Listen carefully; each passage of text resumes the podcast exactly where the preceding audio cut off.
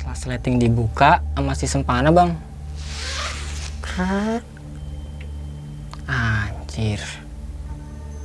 Ternyata dia lagi mesum bang dalam tenda. Wih, gokil nggak lu?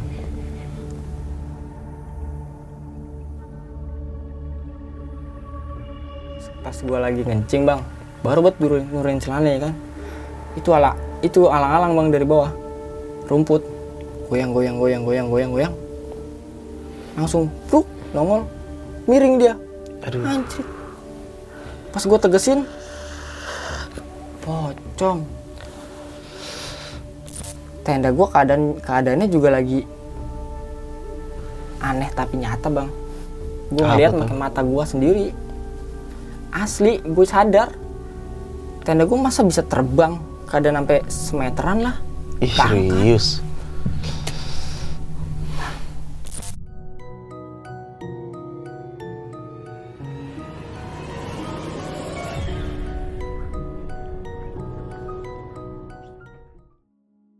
Assalamualaikum warahmatullahi wabarakatuh. Balik lagi nih dengan gue Indra di besok pagi yang pastinya masih dalam dunia pendakian horor ya. Dan kali ini yang pastinya juga gue masih mendatangkan narasumber. Dan narasumber gue kali ini jauh banget datangnya nih. Dari Kabupaten Tangerang. Pokoknya ini ujung banget daerahnya. Gue salut banget dia udah bisa datang kemari jauh-jauh sampai berdebu datang ke sini.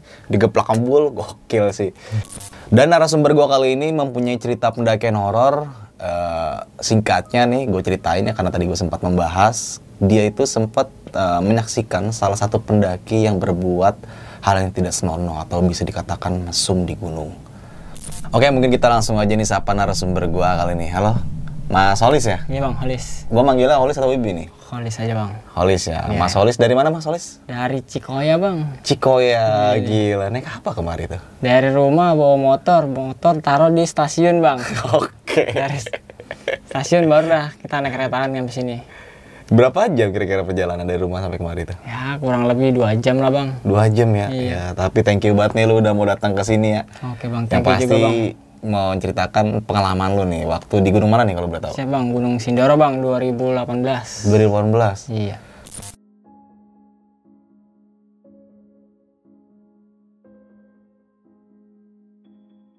Nah, bagi teman-teman semua nih yang penasaran sama ceritanya Mas Holis saat pendakian di Gunung Sindoro, lu simak cerita ini atau video ini sampai habis karena di situ banyak banget ya pasti pelajaran-pelajarannya, Bang ya. Iya betul. Dan lu bisa mengambil sisi baiknya lah dalam cerita yang nanti bakal diceritakan oleh Mas Holis saat pendakian di Gunung Sindoro. Oke, mungkin kita nggak usah berlama waktu lagi.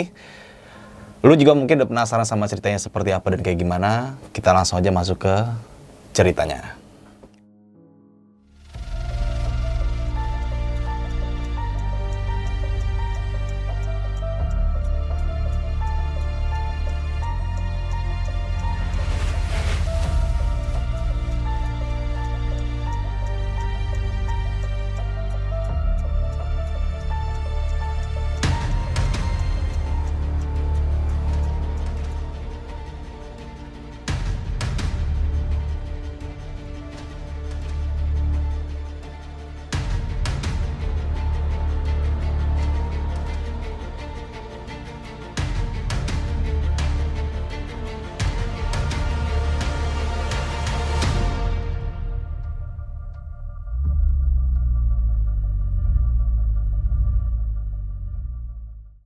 Ya, Mas Holis, Gunung Sindoro tahun 2018. Iya bang. mengalami kejadian teror yang sangat dramatis ya pada saat itu karena ada salah satu rekan pendakian lu berbuat mesum di Gunung Sindoro. Iya. Nah, lu bisa ceritain lebih detail dan lengkapnya nggak sih? Kenapa hal itu bisa terjadi? Maksudnya hal itu bisa terjadi tuh, teror itu bisa terjadi seperti apa dan kayak gimana sampai lu mau menceritakan pengalaman lu di Gunung Sindoro di sini?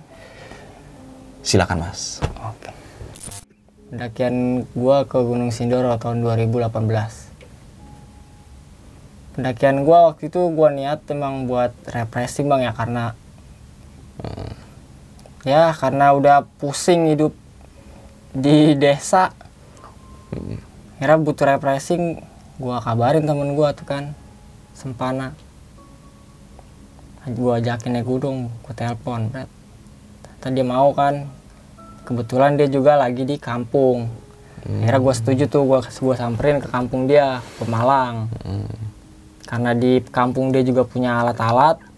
Akhirnya gua dari rumah bawa peralatan yang cukup buat gua doang ya kan seadanya. Oke, pribadi lu ya. pribadi doang. Akhirnya oke dah gua jadiin tanggal sekian. Bread oke kata dia jadi. Akhirnya gua siapin semua alat-alat buat gua doang. Gua jalan lah dari rumah dari Cikoya. Gua jalan dari Cikoya menggunakan kereta. Sampai di Tanah Abang. Dari Tanah Abang gua pengen sambung ke Kampung Rambutan terminal. Seharusnya ke Kampung Rambutan ini gua malah masuknya ke Kampung Bandan. Astaga. gue bingung. Gue tanya sama warga kan bang pak misi pak. Saya mau ke terminal kampung rambutan pak di mana ya waduh jauh banget bang. Itu mah ini mah masuknya udah Jakarta Utara kampung Bandan. Terus saya ke mana pak? "Ya udah bang pesen itu aja lah kata dia. Pesen ojek online. Saya nggak punya aplikasinya pak. Ya, akhirnya dipesenin tuh bang sama abang-abang di sono. Gue nanya warga kan. Akhirnya dipesenin, dipesenin ojek online sama dia buat ke kampung rambutan. Hmm. Karena masih ada orang baik juga bang di Jakarta bang. Iya. di tengah-tengah ramenya ibu kota masih ada aja bang nemu orang baik. Ya, alhamdulillah alhamdulillahnya seperti itu ya. iya. Memang Jakarta emang kota keras bang. Kalau ber kalau bersaing bakal tertindas. Astagfirullah. Tapi untungnya masih ada orang untungnya baik. ya. masih ketemu orang baik bang gua bang. Alhamdulillah banget itu bang. Kagak kesasar jauh itu gua. Akhirnya sampai dah tuh gua. Singkat cerita ya kan gara-gara dipesenin ojek online sampai gua di terminal Kampung Rambutan Kampung rambutan. dari terminal Kampung Rambutan gua naik bis bang. Buat masuk ke Pemalang gua nih ke kampung temen gua. Gua nyari bis yang, yang arah ke Pemalang akhirnya dapet. Berat gua naik tuh. Naik di dalam bis gua kabarin temen gua di Pemalang bro gua udah mau jalan nih. Paling jam segini gua sampai oke oke siap. Gua tunggu. Hmm.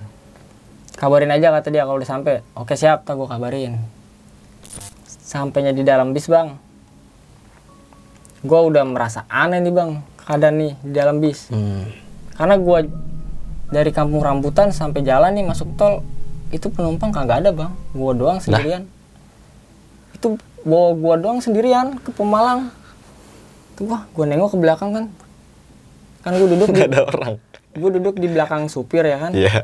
Nggak ada orang sepi. Berarti lu doang nih sampai Jawa. sampai jauh sampai Pemalang. Astagfirullah. kan aneh. Mau aja dia gitu bawa gua. Iya, iya. apa nggak rugi dia ya? Gua mikirnya begitu juga kan.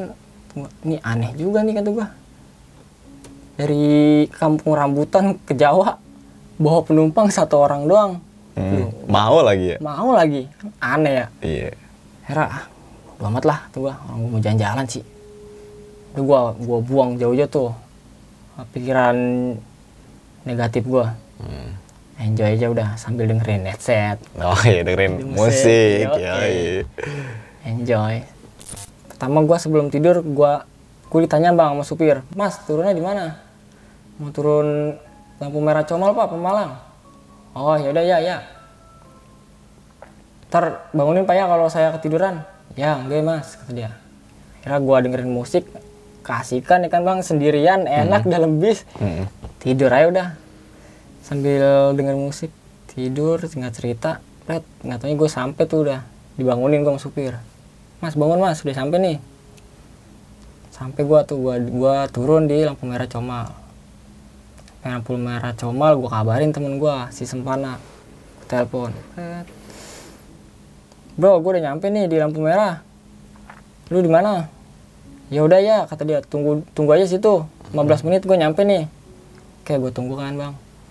Sambil gue nunggu dia gue cari warung juga tuh gue haus gue pengen minum. Lupa beli minum gue tadi. Gara-gara udah kesasar gue dari kampung ban kampung bondan tadi tuh. Bandan. Iya, Bandan. Karena sambil nungguin temen gue gue nyari nyari warung tuh bang pinggir jalan. Temu tuh akhirnya gue warung gue udah keburu aus gara-gara kesasar tadi di Jakarta tuh sampai masuk-masuk Jakarta Utara kampung Bandan. Dari utara ke timur ya. Dari- iya dari Tanah Abang masa bisa-bisa ke utara gue ya? Geblek banget gue ya? Emang norak banget sih emang orang desa. Berarti lu nggak minum-minum tuh? nggak minum gua kausan gara-gara itu nyasar. Sialan emang. Terus gimana tuh? ketemu warung tuh gua beli minum berat ketemu warung beli minum gua balik lagi ke lampu merah. Temen gua udah ada bang di situ. Dia udah nungguin. Oke. Akhirnya gua naik motor ke ru- rumah dia tuh di kampungnya kan. Dari lampu merah deket sih bang ke rumahnya dia. 15 menit nggak nggak jauh. Hmm. sampai sono gua istirahat dulu tuh di rumahnya dia. Istirahat. Selang paginya baru gua jalan ke base camp Sindoro via Kledung motoran gua dari rumahnya dia Dari Pemalang ke Sindoro. Sindoro motoran Berapa jam itu? tiga jam bang perjalanan Ih, lumayan ya. kurang lebih tiga jam motoran asik bang enak emang pengen refreshing ya kan Hmm. akhirnya motoran aja lah nggak usah make naik naik angkot lagi ribet Takutnya nyasar lagi nanti ke kampung Pandan ya. iya itu nyasar lagi. Makinan repot gua. Iya, di iya. kampung orang bisa nyasar. Iya. sampai di base camp gua istirahat dulu bang. Setengah jam mana? Sambil gua buka-buka keril buat ngecek peralatan ya kan? Takutnya ntar ada yang kurang. Bekal juga ntar takut ada yang kurang makanya gue cek tuh. Cek semua segala macem. Ternyata udah siap tuh dari temen gua udah disiapin semua. Udah oke lah ya. udah oke persiapan oke akhirnya gua sarapan dulu tuh sebelum daftar simaksi ya kan Hmm. karena ada masakan di base camp nyediain makanan prasmanan lagi ya kan enak tinggal nyendok baru bayar Iya. Yang nggak kira-kira ya? iya tapi tapi harganya mah sama bang mau nambah juga mau kagak sama Sama aja. sama aja Berapa? Enak. Waktu itu? cuman habis 15.000 ribu bang pakai es Nah. teh manis Itu. nambah lagi gua. Nikmatnya. Ya. gurih banget bang. Beda emang. Kalau makan di sana sama makan di sini pengennya makan di sana bae gua bang. Ya, Apa ya? kan nggak mungkin juga dong. iya makanya. Ongkosnya gede sih emang kalau ongkos. emang makannya murah tapi ongkos dari sini ke sana gede. Singkat cerita gue udah makan tuh selesai makan sarapan baru gue daftar simaksi pas di pendaftaran ada pendaki bang dua. Perempuan sama laki-laki Mas Rian sama Mbak Ajeng. Dia dari kota Solo berdua. Akhirnya gue daftar dulu kan. Dia udah daftar tuh. Tapi masih belum jalan. Gue daftar. Nah, pas gue regis pendakian si Mas Rian ini nyamperin nih nyamperin gue bang berdua. Dia nanya mas mas mau naik ya? kata dia. Ya mas mau naik nih sekarang. Bareng ya? kata dia. Kata Mas Rian bareng ya ngajakin bareng. Boleh mas. Emang kenapa? Tadi kata petugas di sini belum ada pendaki yang regis bang. Baru saya doang berdua ini pertama. Nah masnya ini pendaki keempat nih ketiga sama keempat. Oh gitu mas. Berarti mas dari tadi nungguin nungguin barengan ya? "I- iya mas. Makanya kalau saya kalau saya jalan sendiri kurang ini juga katanya. Kurang pede dia kan ngajakin bareng. Soalnya kalau dilihat-lihat sih kayaknya baru. Oke. akhirnya ya udahlah kata temen gua yaudah mas nggak apa-apa. Yuk bareng aja tapi gua ditanya lagi tuh sama teman gua masih sempana. Kata ini Yang, perlengkapan semua udah oke mas. Hmm. persiapan. Udah mas katanya. Udah semuanya udah ada. SB ada nggak? SB jas hujan. Ada mas ada. Udah sedia. Berarti dia tuh udah safety lah ya, udah oke lah perlengkapannya udah siap Udah untuk siap. mendaki gunung lah. iya siap bang itu udah. Cerita gua jalan tuh udah nge-track B- mulai trek perjalanan itu jam 2 siang bang. Baru mulai trek jam 2 mulai trek perjalanan santai bang ya kan dari base camp menuju pos 1 karena perjalanan santai jadi memakan waktu ya cukup lama bang Iya, Satu jam nikmatin setengah, ya, iya. nikmatin Dikit-dikit. pemandangannya. dikit-dikit ngopi ngerokok berhenti break 15 menit ya ma- berhenti karena kita bukan buru-buru Iya, Iya. iya, iya. jam 4 nyampe di pos 1 bang baru sejam setengah lah kurang lebih dari pos 1 belum terjadi apa-apa bang masih sore ya kan? Pos 1 jalan lagi langsung pos 2 itu juga satu jam setengah bang perjalanan. Hmm. masih enjoy aja lah belum terjadi apa-apa. Dari pos 2 menuju ke pos 3 itu karena kejeda sama waktu maghrib bang. Jadi gue nyampe di pos 3 itu jam setengah 8 Setengah delapan malam. iya karena waktu waktunya kan ini ya kepotong waktu maghrib. Oh, jalan dari jam Oke. iya. Break dulu berarti ya. break dulu tadi ya. Dari pos 2 ke pos 3 tuh kemakan break buat maghriban. Mm. singkat cerita nyampe di pos 3 jam setengah 8 ya. Diriin tenda diriin tenda makan bareng setelah makan pada istirahat kan masuk tenda masing-masing tuh Mm. tadiana si Mas Rian sama Mbak Ajeng ini diajakin bareng sama temen gua si Sempana Mm. karena gua ini bawa tenda kapasitas empat orang sedangkan Oh. sedangkan dia juga bawa tenda tapi diajakin bareng satu tenda nggak mau dia karena dia bawa sen- tenda sendiri ya kan Oke. jadi ya udah nggak apa-apa dah dia buka tenda gue juga buka tenda jadi sendiri-sendiri tuh tenda singkat cerita habis makan kan pada masuk tenda tuh sendiri-sendiri. Nah gue juga pada istirahat ya kan. Jam 9 tidur udah pada tidur tuh semua tuh. Setengah sembilan masuk tenda semua berat tidur. Jam setengah sebelas gue kebangun bang. Karena ada suara berisik perempuan. Ada suara berisik perempuan karena gue juga nggak berani keadaan sepi ya kan malam Jumat sepi ada suara perempuan. Gue juga Hmm. mau keluar nggak berani ya kan bang? Mm. akhirnya gue bangunin teman gue si Sempana. Woi bro. Bangun dulu bentar. Ngapa sih Lis bangun dulu apa bangun? Terus dia bangun tuh nggak lama kan temen gue kenapa? Tuh lo dengerin tuh.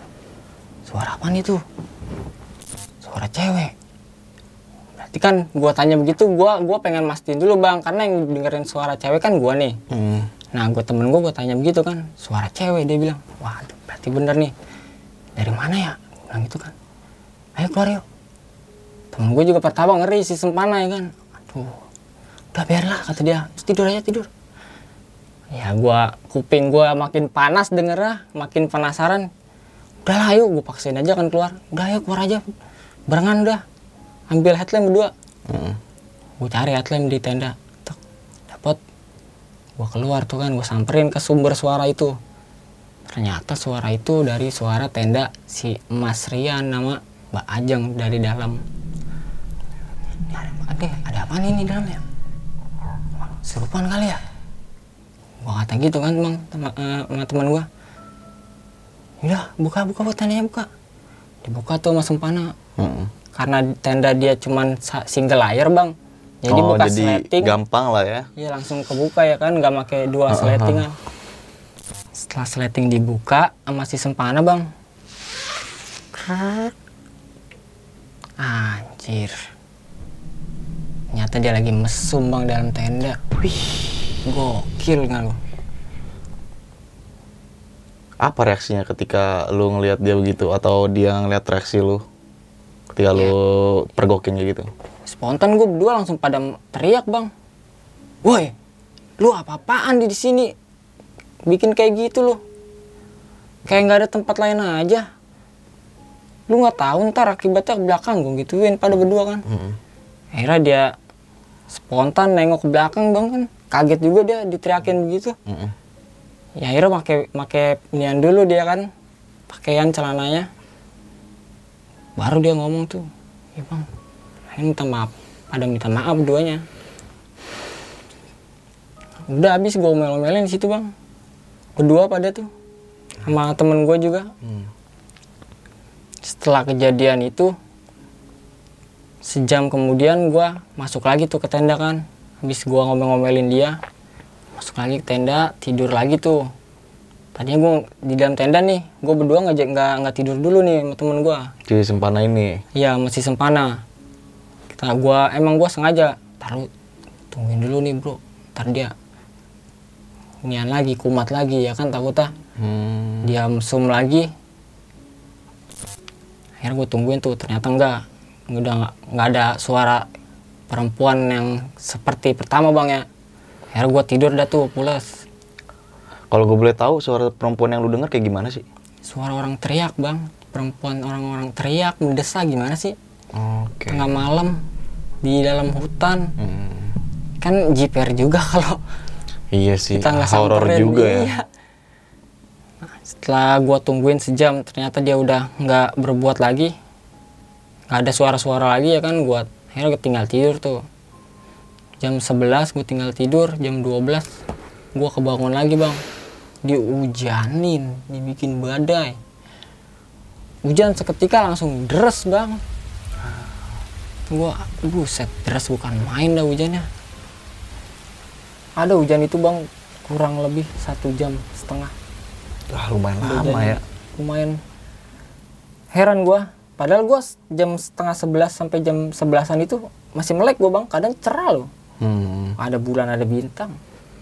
Toto gua tinggal tidur kebangun udah Hujan hujan. deras. situ gua mak kebangun gara-gara kehujanan kedinginan tuh. Akhirnya gua pasang playset udah kan ganti baju. Sambil ngangetin badan masak kopi tuh gua nyetel nyeduh air hangat. Oke. buat ngangetin badan kan. Gara-gara kehujanan masang playset tadi. Nah, sebelum masuk ke cerita, untuk kalian yang ingin menjadi narasumber di besok pagi dan mempunyai cerita horor dalam pendakian, kalian bisa kirim cerita kalian ke Instagram official besokpagi.idv atau melalui email besokpagi.ch@gmail.com. Oke, kita langsung aja nih lanjut ke ceritanya. pas buat air mateng hujan berhenti gue nyeduh teh akhirnya gue keluar tenda tuh bang habis minum teh gara-gara udah kagak tahan lagi gue pengen pengen buat ngencing Hmm. Akhirnya gue keluar tenda tuh. Nyari spot buat ngencing. Pas gue lagi ngencing bang baru buat nurunin, nurunin celana ya kan? Itu ala itu alang-alang bang dari bawah. Rumput. Goyang goyang goyang goyang goyang goyang. Langsung pluk nongol. Miring dia. Aduh. anjir. Pas gue tegesin pocong. Mana gue baru bet ngencing. Mm-mm. akhirnya gue ya gue mau gue liatin aja udah mau diapain lagi? Mau nggak mau tuh mau ya? mau. Gue liatin gue gue buru-buru buru-buru juga ngencing kan. Sambil gue nengok ke tenda juga tuh. Hmm. tenda gue keadaan keadaannya juga lagi aneh tapi nyata bang. Gue Apa ngeliat pakai mata gue sendiri. Asli gue sadar tenda gue masa bisa terbang keadaan sampai semeteran lah. Ih, Keangkat. serius. aneh tapi nyata bang. Itu serius gue ngeliat Semana kira-kira terbang tuh? semeter setengah lah. Ya segini nih. Padahal tenda gue pasak Iya. tapi tenda sebelah nih tendanya si Mas Rian sama Bajang. Datar ada di tanah. Masa tenda gue bisa keangkat? Di situ gue panggil panggil temen gue kagak bangun. Gue udah teriak kenceng bener padahal. Woi bro. Bro. Masih tidur aja dia nggak nggak bangun. Kata gue dia nggak keberasa apa gimana ya? Akhirnya gue sambil buru-buru ya kan ngencing sambil inian juga baca bacaan gue nih. Gara-gara si pocong sialan tuh di samping gue akhirnya udah selesai nih baca bacaan sambil ngencing selesai. Gua kabur tuh lari jarak gue dari gua sampai tenda kira-kira 3 meteran bang. Gue lihat lagi. Nepak keadaan tenda gue Nggak terbang lagi berarti? enggak itu aneh.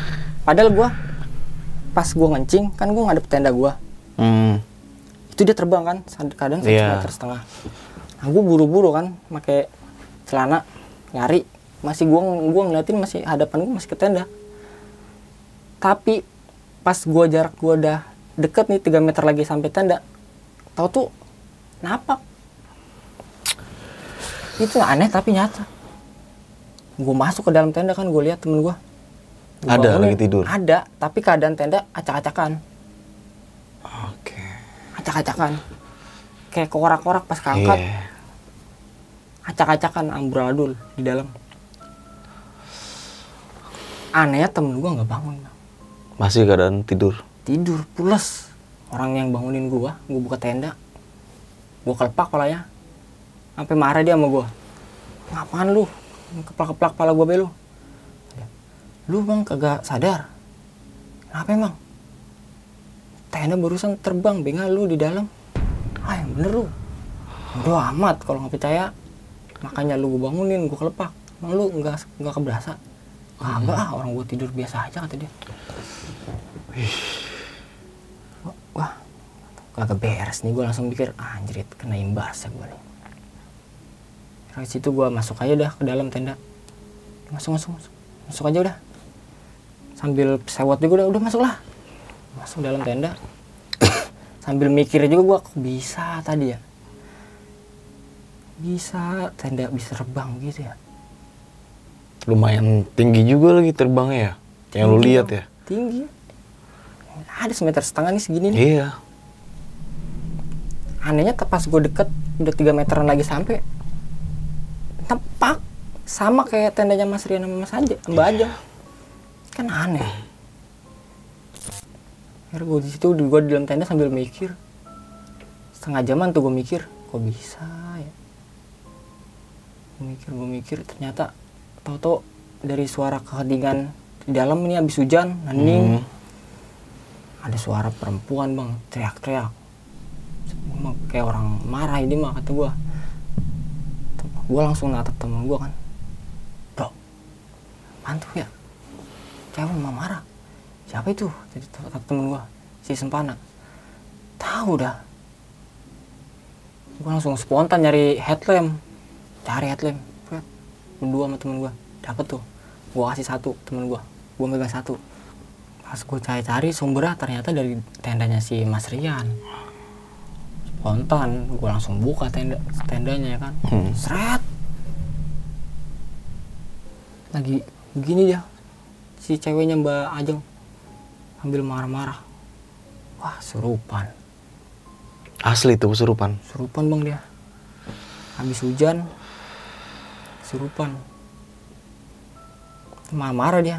Pokoknya seingat gua omongan yang gue inget itu. Dia itu ngomong "Bud, anak ini sudah ngotorin tempat saya. Gue langsung connect wah anjir ini gara-gara dia nih tadi bikin begitu. Gua berempat tiga laki satu cewek tiga tiganya kagak ada yang bisa lagi nanganin. Buat nyembuhin. buat nyembuhin akhirnya mau nggak mau cuman megang-megangin dong udah biar nggak kabur keluar. Dia Gagal pengen istirahat berarti lu ya. iya. Nggak bisa istirahat gua. Dia pengennya kabur aja bang itu cewek pengen keluar dari tenda. Hmm. nah kalau gua lepas dia ngerinya masuk jurang lari ke jurang gimana ya? Makin kacau. bisa bahaya anak orang. Nyebur nyebur jurang. Situ gue pegang gue cuma bisa megangin doang. Dia tuh laki-lakinya bertiga. Megangin udah megangin mau mencet jempol asal-asalan. Bisa. kan Bisa nggak? nggak bisa bang. Tetap aja nggak bisa. iya biasanya kan gue ngeliat-ngeliat kalau orang kesurupan yang dipencet jempol, kaki ya. Iya iya iya. tapi gue coba-coba nggak bisa bang. Apa ada ada baca-bacaannya kali ya? Ya mungkin ya. karena gue mencet doang kagak bisa. Dia nggak ngapa-ngapa. Malah ketawa-ketawa dia. Ngeledek. Katanya. iya malah ketawa dia. Ih geli. Aduh. kan sialan ya bang ya. Gue udah ngenceng dipencet sekuat tenaga sama temen gue juga. Ah. nah bro malah ketawa ini dia dipencet. Malah geli geli geli kata dia. Ah malah ketawa. Malah nantangin dipencet. Akhirnya ya mau nggak mau deh megangin aja udah dipegangin. Nah selang pengen menjelang subuh datang tuh pendaki bang. Hmm. untungnya dari bawah ada center headlamp ya kan? Hmm. tek tek tek dari bawah. Datang ada pendaki tuh. Dia bertiga laki semua. Nyamperin langsung tenda gua. Gara-gara dengar suara itu butuh si cewek tuh bajeng lagi teriak-teriakan baik sambil marah langsung tuh mas si masnya datang tuh bertiga nyamperin. Mas kenapa mas? Ini bang kesurupan bang dia. Akhirnya ditanganin tuh mas si itu Mas itu. ini. Oke. Namanya Mas Agung. Tangani nama dia. Nggak lama 15 menitan akhirnya normal bang. Sembuh sama dia. Hmm. sembuh sama dia kira habis sembuh ya kan ditungguin tuh masih Mas Rian nih. Si Ajeng ditungguin sama Mama Mas Rian di dalam tenda. Nah, gua gua keluar nih sama Mas sama si Sempanan nih temen gua. Mhm. ngobrol sama Mas Agung yang yang nyembuhin si Mbak Ajeng Gua ngobrol gue tanya kan gue ditanya sama sama Mas Agung. Emang emang ada kejadian apa bang semalam? Ya gue bilang aja ya kan bang. Dia tadi jam sembilanan bang. Ke gap sama gue lagi mesum itu berdua di tenda. Hmm. gue gituin baik kan kronologinya emang bener keadaannya begitu. Akhirnya gue bilang aja begitu.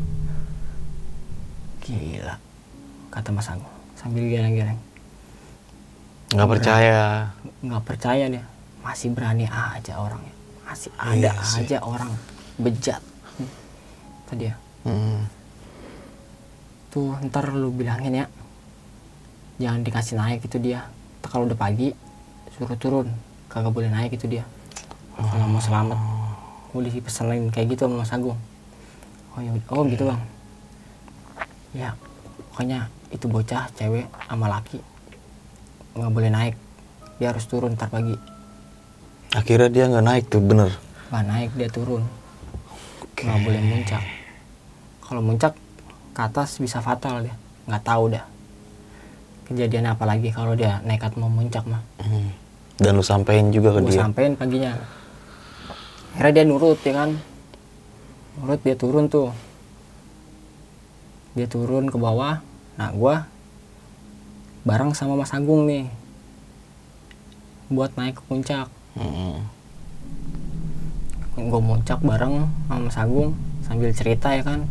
Kejadian yang semalam tuh. Mas masa tenda gue gue gue gue gue juga ceritain kejadian gue kan pas lagi ngencing. Mas gue semalam ngencing mas. Tongolin pocong mas lagi ngencing. Gue bilang lagi sama tenda gue masa bisa terbang mas ya? Dia nggak percaya juga bang. Ah yang bener dong pas segitu ya. Terbang mas tenda gue padahal di dalam ada teman gue dia sampai nggak percaya juga. Gue bilang kan beneran mas orang tenda gue di dalam sampai acak-acakan gue bilang. Di dalam barang-barang sampai acak-acakan mas. Wah, anjir gokil tuh. Gara-gara semalam bro kata dia. Gara-gara berbuat mesum akhirnya lu Kena kena imbasnya. Akhirnya gue jalan kan tuh sampai arah mau ke puncak. Ternyata sampai di perbatasan pos 4 tuh Hmm. gue dihujanin lagi bang. Emang keadaan masih mendung. Gue dihujanin lagi di situ di pos 4 hujannya deras juga lumayan. Akhirnya gue mutusin sama Mas Agung kagak nerusin buat muncak balik lagi gue ke pos 3 oh berarti semuanya turun ke bawah nih? Nggak nggak lanjut ke puncak? Enggak akhirnya gue ke sana sama Mas Agung sama temennya dia berdua. Hmm. gue turun lagi tuh gue ke, ke pos 3 buat balik lagi ke base camp. Dari situ gue istirahat dulu dah tuh kan di dalam tenda. Istirahat sambil calling callingan dia tuh sama Mas Agung. Mas gimana Mas? Turun sekarang. Nah, Mas Agung ini masih lanjut dia mau ngecamp lagi. Oh oke. akhirnya gue sama, sama temen gue sih sempana udah Mas gue turun sekarang ya turun duluan. Putus kontak kira lu turun. Akhirnya gue bebenah akhirnya gue lanjutin buat turun. Dari pos 3 sampai ke base camp ketemu sama Mas aja sama eh sama Mbak aja sama Mas Rian lagi tuh? Pas di ketemu bawah gue di bawah pas udah nyampe di base camp oke. Keadaan dia udah rapi udah selesai. Bisa, bisa selesai bebenah. Kondisinya? Kondisinya sih dia si mas mas Riana ini udah selesai habis mandi ya kadang bang? Mukanya segar dia. Kalau gue lihat sih habis mandi dia. Nah kalau mbak Ajeng ini lemes badannya lemes dia. Oke. Ada Kayak- kata-kata perpisahan tuh lu pas di base camp ini? Nggak ada sih. Cuman gue bilang hati-hati mas. Jangan lagi-lagi dah buat-buat yang kayak gitu. Oke. Kalau nggak mau nyesel gue gituin doang bang. Gue mandi dulu tuh sebelum sebelum pulang gue mandi dulu ya kan. Mm-mm. base camp enak banget seger mandi set pas sarapan tuh. Baru gue turun. Lanjut lagi ke kampungnya si Sempana ini ke Pemalang. Nah, motoran lagi gitu ya? Motoran lagi bang. Gue berangkat tiga jam nyampe ke base camp Keledung. Mm-mm. pulangnya 8 jam bang gua. Lah kok bisa? Gua salah jalan. Nyasar lagi. Nyasar lagi gua di kampung.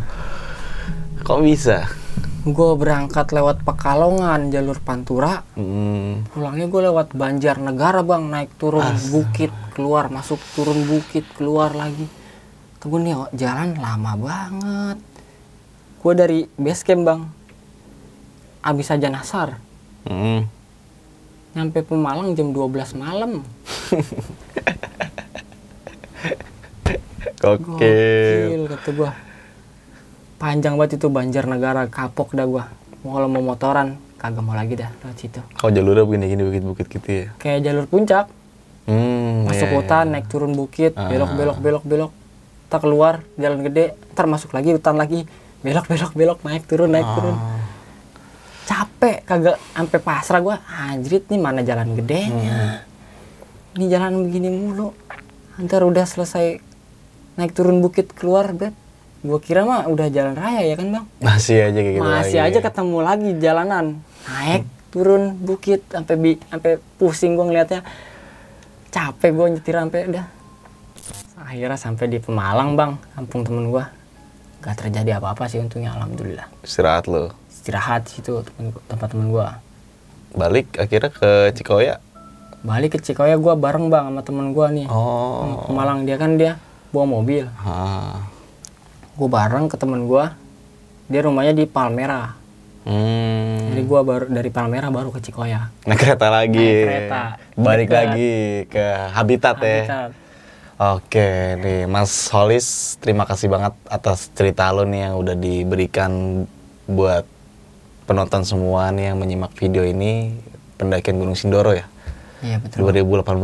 2018. Ini kejadian mesum yang imbasnya ke lu ya, sama teman lu juga bahkan ya rombongan lain juga akan dampaknya juga. Oke nih Mas Holis, mungkin nanti kita bakal tanya jawab kali ya di sesi tanya jawab.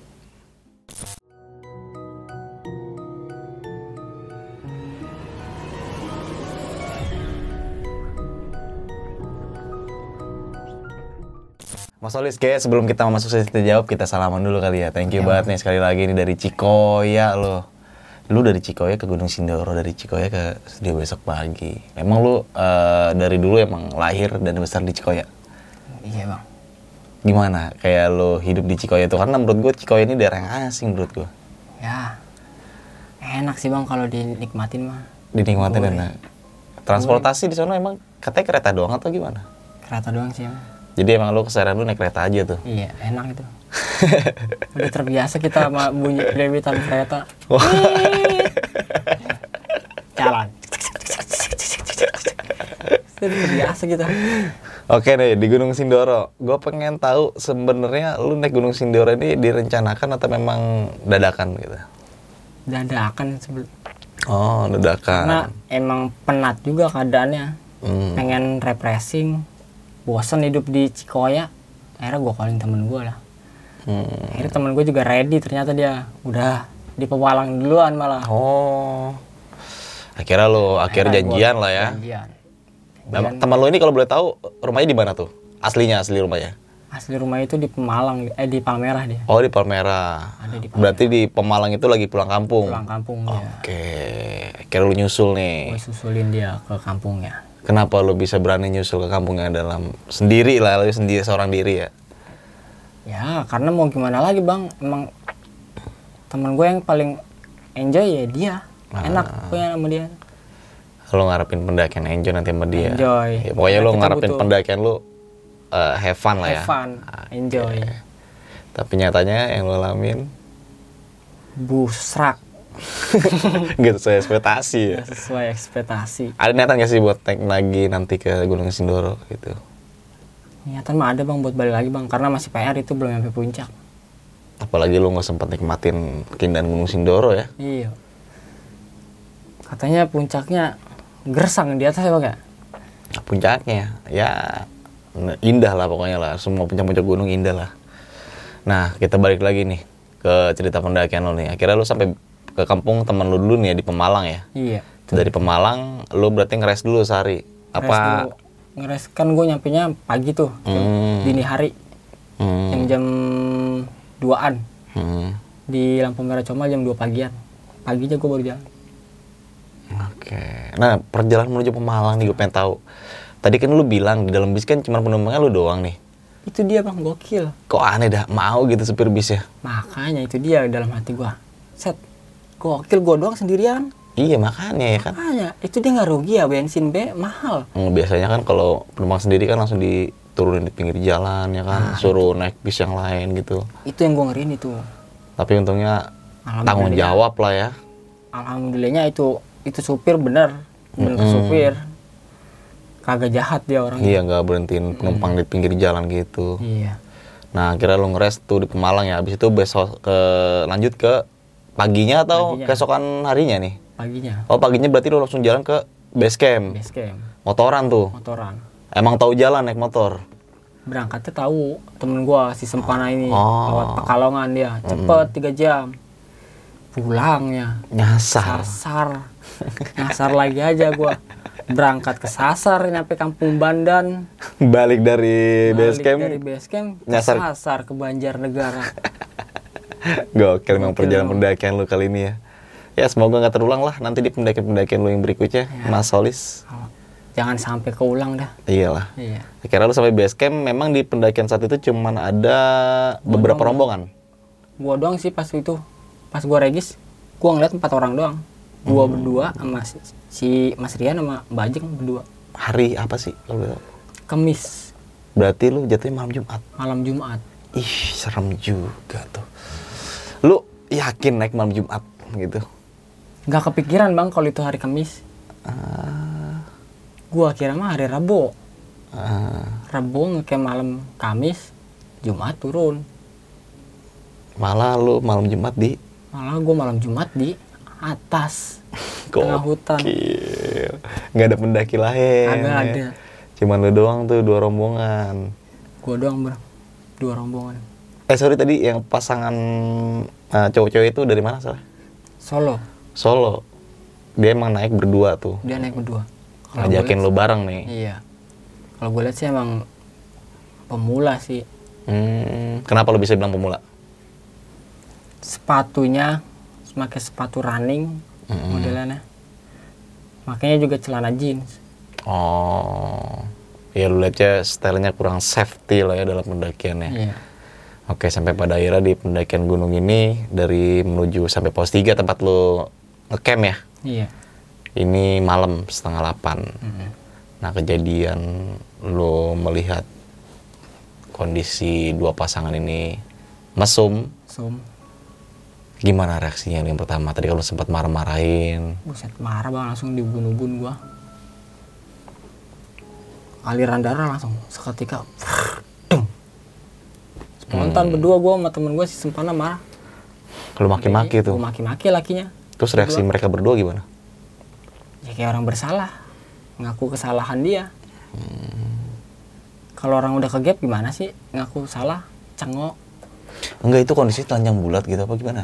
setengah Maksudnya Celananya doang. ditutupin pakai apa gitu atau kan pasti ada bawa SB gitu. celananya doang yang diturunin Oke.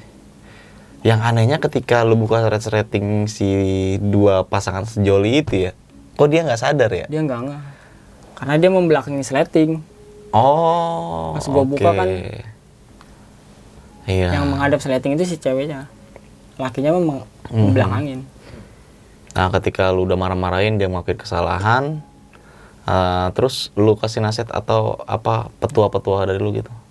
temen gue yang ngasih si sempana tuh Oh. apa diseret sama si sempana diajakin ngomong nggak tahu ya tuh dia ngomong apa pokoknya dimaki-maki juga sih Lu baru pertama kali ngeliat orang mesum di gunung kayak gini? baru pertama kali seumur hidup gue bang Dan baru ngalamin kejadian di teror setelah kejadian itu? iya aneh tapi nyata Gokil. terornya aneh tapi nyata Yang gue heran di sini ketika ada lu lagi mau nikmatin cuaca cerah ya malam itu, setelah lu mempergoki dua sejoli ini, tiba-tiba hujan deras. langsung badai hujan deras aneh juga itu Dan sempat kepikiran nggak kalau penyebabnya dari perbuatan mereka? langsung bang malah gue spontan Oh, kepikirannya langsung wah kena sialnya nih gue oke. Lu langsung berpikir seperti itu ya. iya Yang gua kaget di sini loh, ketika lu buang air kecil nih, lu ngeliat sosok pocong nih. hancur mukanya bang Gimana gambarannya tuh? mukanya hancur matanya merah bau busuk sampai pengen muntah gua sebenarnya nyium baunya ya. Tapi lu berani ya? ya mau gimana lagi emang lagi baru buat ngencing.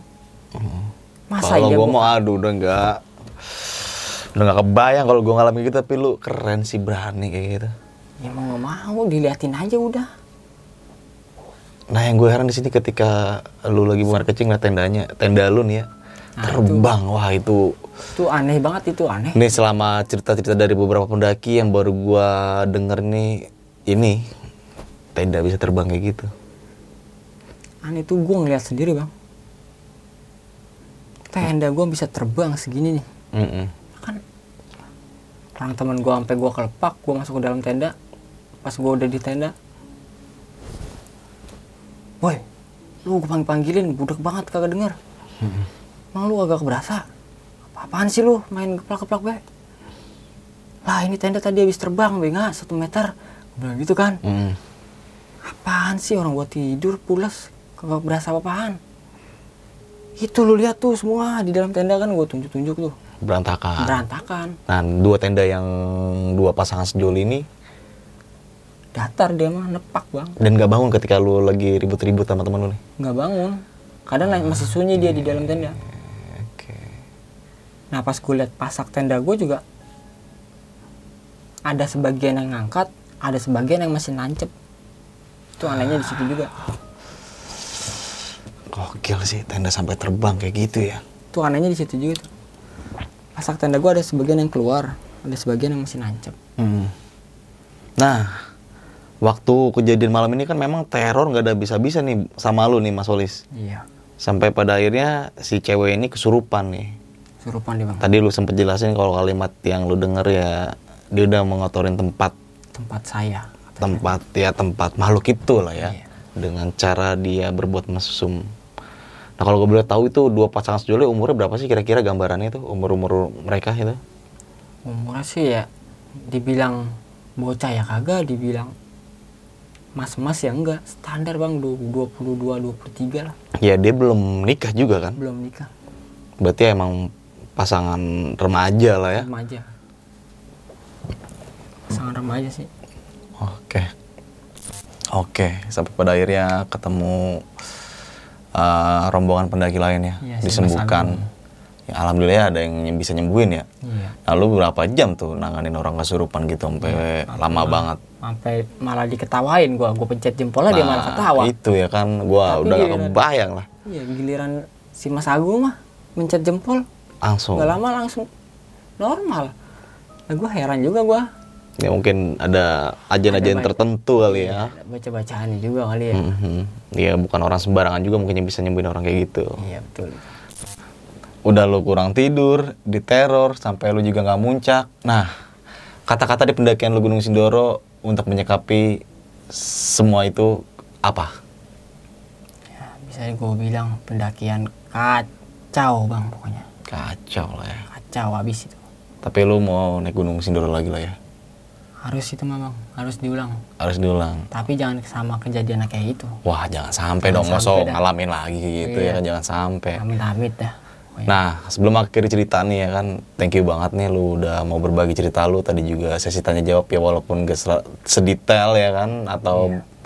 Banyak tanya. Ini juga waktu udah menunjukkan jam 3 subuh ya Iya, kan. ini Udah pagi bentar pagi banget lu datang ke sini udah malam banget. Tapi nanti lu nginep aja dulu sini Mas Solis. Nanti pagi baru pulang ke Cikoya ya. Iya, siap bang Nah, lu punya pesan-pesan gak sih nih buat teman-teman semua nih nonton nih, terutama eh, pesan-pesan dalam cerita di Gunung Sindoro lu nih, kayak gimana? Silakan.